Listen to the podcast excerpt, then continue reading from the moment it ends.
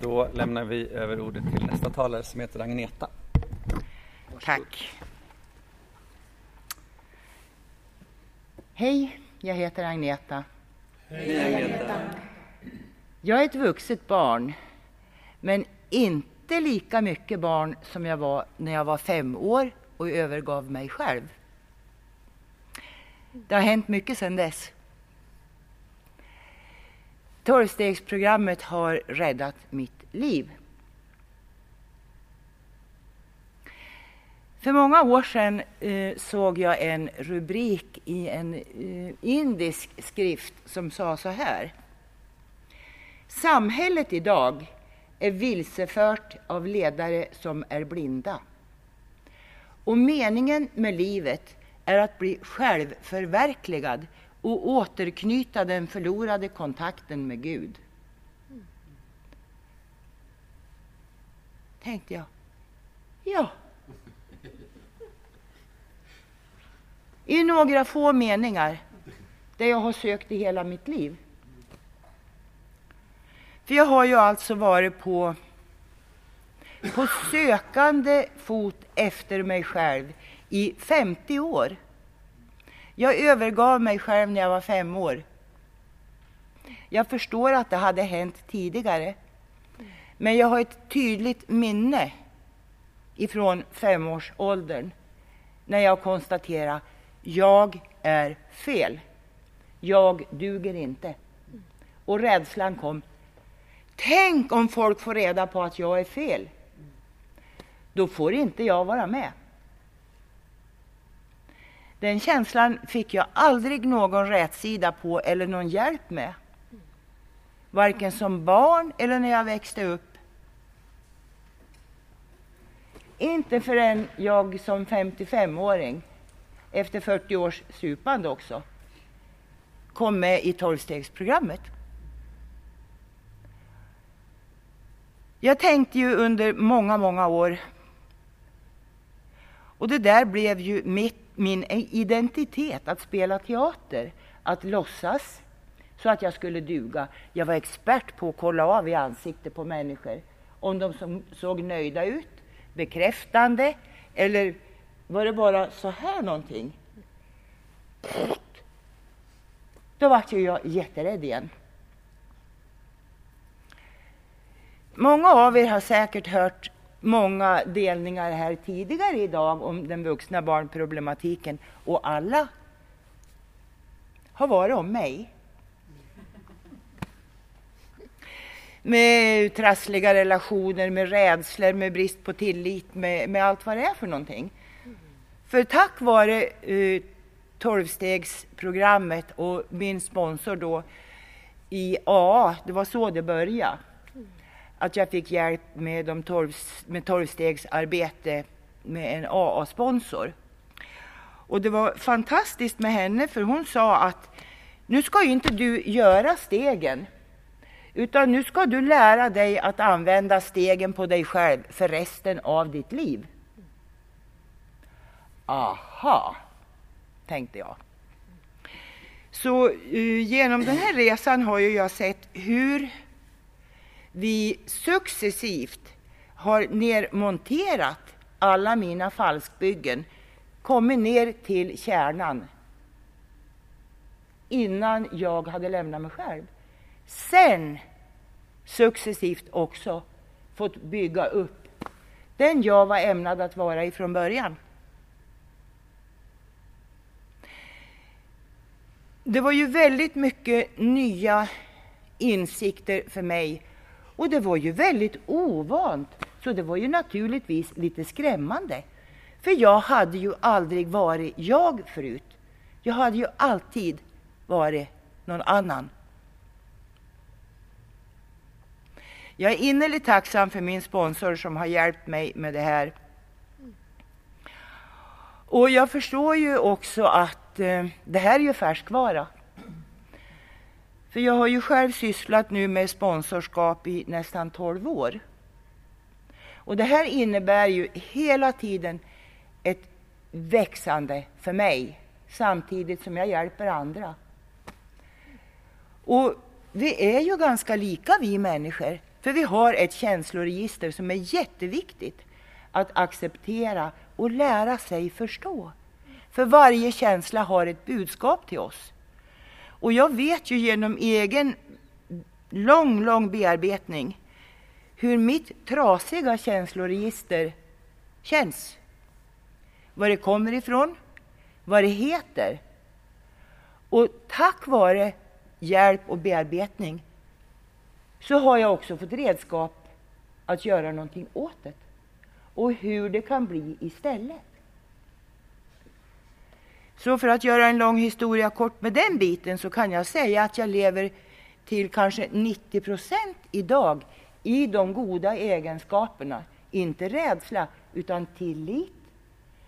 Inte bitterhet, utan empati och kärlek. Inte högmod. Vad ska jag vara högmodig för? Nej. Utan där också empati och förståelse och medkännande. Det är någonting annat än medlidande. Folk förväxlar ofta det där. Men när jag ser andra människor lida idag så lider inte jag. Men jag vet hur det känns, för jag har varit där. Och då är det någonting helt annat, för då kan jag vara en trygghet för den som lider. Istället för att som jag alltid fick höra, det där är väl ingenting att gnälla över, det där är väl ingenting att oja sig över, känn inte efter så noga, var inte så pjåkig. Men min pappa som var alkoholist, han sa alltid, jag är så en känslomänniska, sa han, om sig själv. Och det är du med Agneta, sa han, när jag var liten. Var rädd om dina känslor, sa han. Men pappa fick jag ju inte lita på, för han var ju alkoholist. Och under många, många år i min uppväxt tänkte jag, jag ska aldrig bli som pappa. Och jag blev precis som pappa. Men han hade många goda egenskaper också.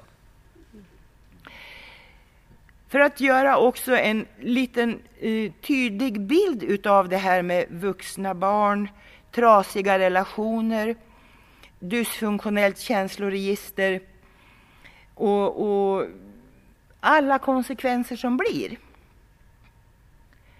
Mellan 1980 och 90 ni förstår väl, jag med min bristande självkänsla lyckades få tag på en sjökapten. Och ni förstår väl vad fint det var att jag fick spegla mig i glansen med en sjökapten. Åh, oh, vad jag växte! Och jag kände ju någonstans att jag... Och jag tänkte, ja men nu är det ju så här i mig igen. Men jag visste inte vad det var. För jag började ju på leva genom honom. Och det han sa och bestämde, det gick jag med på. Bland annat, då skulle vi flytta ifrån Stockholm till Motala, en geografisk flykt. Vi skulle arrendera en eh, eh kiosk och eh, grill. Eh, en vanlig kiosk med grill. Och så skulle vi ju naturligtvis ha en, ett namn på den här kiosken. Jag heter Agneta A. Han är död nu. Och han hette Kristoffer. Han stavade med C. AC. Och så hette vi Albrektsson i efternamn.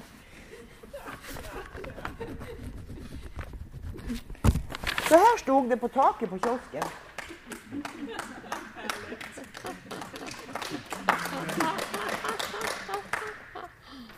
Det var vi det. Och det förstår ni ju hur det gick när två vuxna barn skulle driva och arrendera en kiosk med grill. Och jag var ju full för det mesta. Ja, det vart ju våldsamma konsekvenser naturligtvis. Men jag förstod ju inte vad det handlade om. Men jag då som alkoholist, jag la ju skulden på mig. Det är ju mitt fel. Det är ju jag som har ställt till det. För så har ju jag levt i hela mitt liv. Vi flyttade tillbaka till Stockholm och skilde oss och det var ju då det, det brakade riktigt för mig med att jag söp ner mig och kom i kontakt då med, med tolvstegsprogrammet och eh, min tolvstegssponsor. Det här är den absolut häftigaste resa jag har gjort. Att hitta mig själv. Och idag har det blivit, ifrån att jag har varit min egen värsta fiende, så är jag min egen bästa vän idag. Jag litar på vad jag känner. Jag vet vad jag känner. Jag vet vad det heter. Jag, vet, jag har fått förstånd att inse skillnaden på en sjuk känsla och en frisk känsla. Ett sjukt beteende och ett ganska friskt beteende. Jag är inget helgon, för jag, kom, jag kan inte gå på vattnet. För jag är människa med fel och brister. Och så länge jag inte kan gå på vattnet så är jag en människa och en medmänniska. Det växandet det satte ju väldig fart när jag började på att hjälpa andra. När det kom någon, en kvinna då i Stockholm och frågade men du, skulle du kunna hjälpa mig med lite stegarbete? Ja, sa jag. Vi provar så får vi se. Och så träffades vi flera gånger först för att känna av varann, stämma av varann och känna om vi trivdes tillsammans. För det har jag förstått att känns det inte bra, då fungerar det inte. Och det hade ju jag då min egen sponsor som förebild. Hon är fortfarande min förebild. Vi har kontakt, inte så ofta, men ibland. Ibland behöver hon fråga mig och jag frågar henne. Men hon var också väldigt noga, för varje gång hon och jag hade träffats, då frågade hon hur känns det? Vill du fortsätta?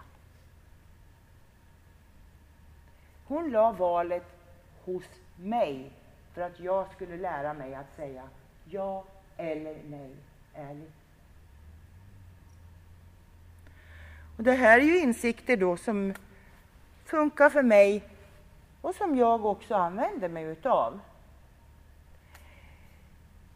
Jag förstod ju under våran stegresa att, ja men snälla någon. Alltså, när jag började på pricka av. Matmissbrukare, träningsmissbrukare, eh, arbetsnarkoman, relationsmissbrukare, bekräftelsetorsk. Hela kartan. Då sa min sponsor, lugn, lugn, nu tar vi AS 12 steg först. Sen har jag tittat på de andra också. I NA och, och eh, och OA och Asia. Och jag hittar väldigt, väldigt många paralleller och en gemensam punkt. Rädd att inte duga, rädd att inte få vara med. Som den obenhörliga kvickroten som måste upp. För vi duger precis som vi är, varenda en av oss. För som vi hörde tidigare, vi är ju alla Guds älskade barn. Förlita sig på bristfälliga människor. Det kan bli lite si och så det. Men det är ju min övertygelse idag. Och för att återgå då lite till sponsorskapet och, och stegarbete. Det finns ju många sätt att arbeta med de tolv stegen. Och det här är ju utifrån mina erfarenheter som jag arbetar. Det här är ju ingen tävling. Det finns inga tidsramar. Att efter två månader då ska man ha hunnit dit. Det är ju så individuellt vad vi har med oss i vår ryggsäck som vi behöver få hjälp att titta på och reda ut. Och de här processerna är ju så individuella. Sorgeprocessen processen kanske tar väldigt lång tid. Den kanske är kortare för en annan människa. Men här gäller det ju också att kunna lyssna in. Var befinner sig den här människan på resan? Hur ser det ut? Vad säger kroppsspråket? Vad säger mimiken? Hur låter tonen i rösten? Låter den rädd? Låter den trygg? Är den frågande? Det har jag lärt mig med åren. Förhoppningsvis blir jag bättre och bättre. För så länge Gud vill ha mig i tjänst så finns jag ju till förfogande. Men det är ju bara en dag i taget. Det vet jag ju inte. När han tycker att nu räcker det med dig. Nu får andra fortsätta. Det vet jag ju inte. Men vad som är A och O också, som jag upplever då som sponsor, det är att jag är minutiöst noggrann med mina egna inventeringar. Så att jag inte inbillar mig någonstans att jag är klar. Verkligen att jag gör mina egna inventeringar, för det är färskvara. Det är det absolut viktigaste. För annars så börjar min andliga spänst på slacka. Om inte jag går på mina möten, gör mina dagliga inventeringar och håller mig själv i balans. Det här är ju lika viktigt som att borsta tänderna, tvätta hår, hålla mig ren. Ja, men insidan är ju lika viktig. Minst lika viktig. Jag är oerhört tacksam till alla som har hjälpt mig till livet. För jag hade inget liv förut. Det var en konstruktion. För att överleva. Därför att jag inte trodde att jag själv dög. Och den här konstruktionen, olik, i olika faser, hur jag har konstruerat, spelat teater och gjort, det var ju ändå ett sätt för mig att överleva i en sån ohanterlig uppväxt och miljö. Så det har ju också hjälpt mig att överleva, även med spriten. var ju en räddning under lång tid. Men all den här, alla de här teaterfasonerna jag hade för mig, allt det här spelandet som under en lång tid hjälpte mig att överleva, blev ju till slut dörren till min död. Men miraklet inträffade för mig och som för väldigt många andra. Hjälpen kom när jag nådde botten. Mm. Under mina år som sponsor så har jag ju fått hört väldigt mycket. Men jag lärde mig också av min sponsor när jag berättade sådana här som jag själv tyckte att det här kommer jag aldrig att berätta för någon människa. Det här tar jag med mig i graven. Hon rörde inte en min, såg varken förvånad ut eller så här, ingenting. Och idag brukar jag säga att jag har hört jättemycket under mina år som sponsor. Men de här sitter kvar.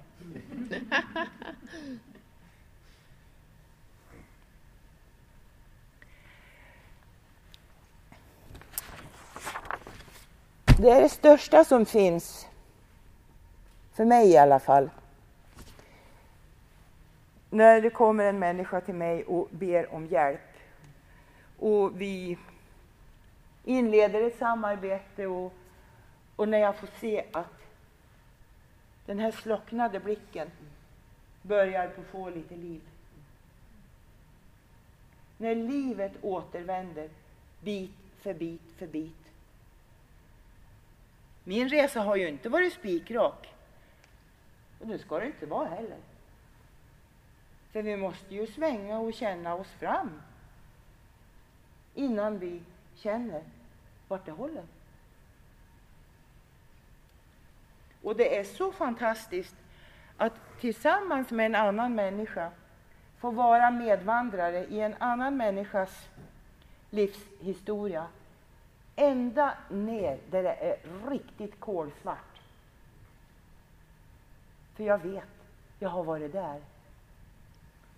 Och så kan vi gå vägen därifrån också.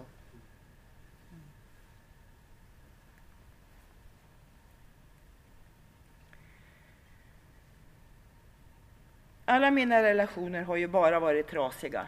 Men eh, jag lever nu ensam sedan många år tillbaka. Men just det här att jag har en så underbar relation med mig själv. Och det är stor skillnad på hur jag lever idag. För förut var jag beroende av andra människor. Det är jag inte idag. Jag behöver andra människor. Men jag är inte beroende. Ett kraftigt beroende har jag kvar. Och det är riktigt, riktigt kraftigt. Jag står och faller med det. Och det är beroendet av kontakten med min högre makt. Mm. Som jag lever idag så har jag ett stort, för mig väldigt stort ansvarsfullt uppdrag i en överenskommelse med min högre makt. Och det är att föra budskapet vidare som kan hjälpa människor att bli sitt sanna jag. Och det är ni som hjälper mig med det. En dag i taget. Tack ska ni ha. Tack. Tack.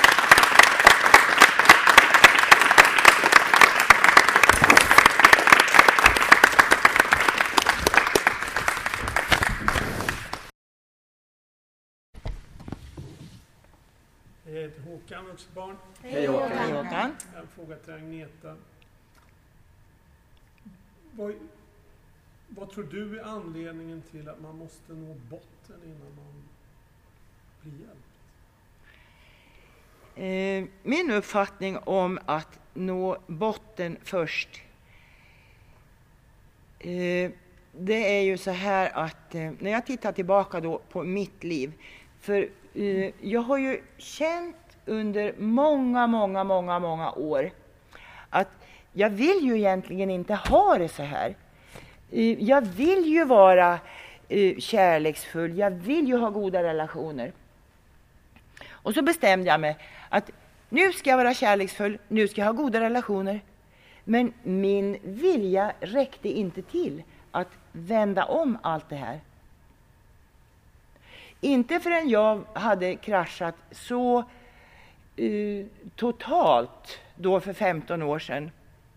Så jag hade ju ingen kraft kvar egentligen att uh, streta emot och förneka och, och hålla på med mina fasoner. Jag kände, jag kan inte. Det går inte. Jag klarar inte av att leva.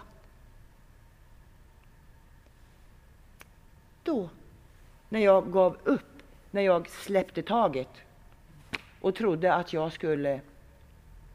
Det får bli som det blir, ungefär, i min hopplöshet. Det var där först ljuset kunde tändas, när jag slutade att streta emot. Men så länge livet fungerar någorlunda finns det ju ingen anledning att göra någonting åt det. För att motiveringen är inte tillräckligt stark. Att ta till en stark kraft starkare än mig själv. Jag har alltid trott på Gud, men jag har inte haft någon tillit. Jag behövde krascha först. Då kan förändringen komma. Tack. Tack. Någon mer som vill ställa en fråga? Hej, jag heter Maj, jag är ett vuxet barn. Hej Maj. Eh, jag har precis fått min första sponsor. Och jag är otroligt rädd för att jag göra fel. Eller att, eh, ja, att inte vara så där bra som min sponsor har varit. Och jag vet inte riktigt hur man, hur man är sponsor eller hur man, hur man gör med den här rädslan och osäkerheten. Ja, Ja, jag, jag vet inte egentligen vad jag frågar om. Jag frågar Mm. hjälp. Min fråga är hjälp. ja. Det finns, det finns ju ett tydligt svar som eh, naturligtvis går att utveckla. Och det är vad som står i tolfte steget. När vi som en följd av dessa steg själva hade haft ett inre uppvaknande försökte vi föra detta budskap vidare och tillämpa dessa principer i alla våra angelägenheter. Och det, här, det här går ju tillbaka då till det jag sa förut. Så min sponsor sa att jag fick grundligt i varje steg lära mig att använda de här principerna på mig själv för resten av mitt liv. Och det här handlar ju då, som jag förstår i din fråga, om fjärdestegsinventeringarna, rädslolistan. Att titta på sina rädslor. För rädslor de utmynnar ju alltid i en brist på tillit till min högre makt. Så dels är ju tryggheten då, eh, som jag har det då, att har jag frågetecken och svajar, då pratar ju jag med min sponsor. För det här är ju ett nätverk utav sponsor, sponsi, sponsor. Min sponsor har ju också en sponsor som har en sponsor.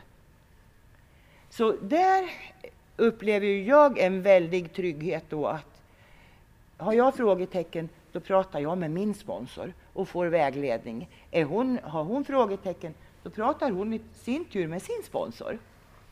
Så det är ju det här att en alkoholist eller en tveksam människa hjälper en annan som har gått före. Och jag, jag, jag, tror inte att det kan bli fel. Eh, ibland om min sponsor har gjort något tokigt så har jag nog satt henne på en piedestal ändå och, och då behövde hon falla av den. Eh, och min sponsor brukar säga om jag inte vet så är det okej att eh, ja, men gå undan och be sinnesrobönen. Och, eh, och jag tror, jag tror man kommer från kärlek så kan det verkligen inte gå fel. Jag tror att du är hennes sponsor, av, given av era högre makter. Tack.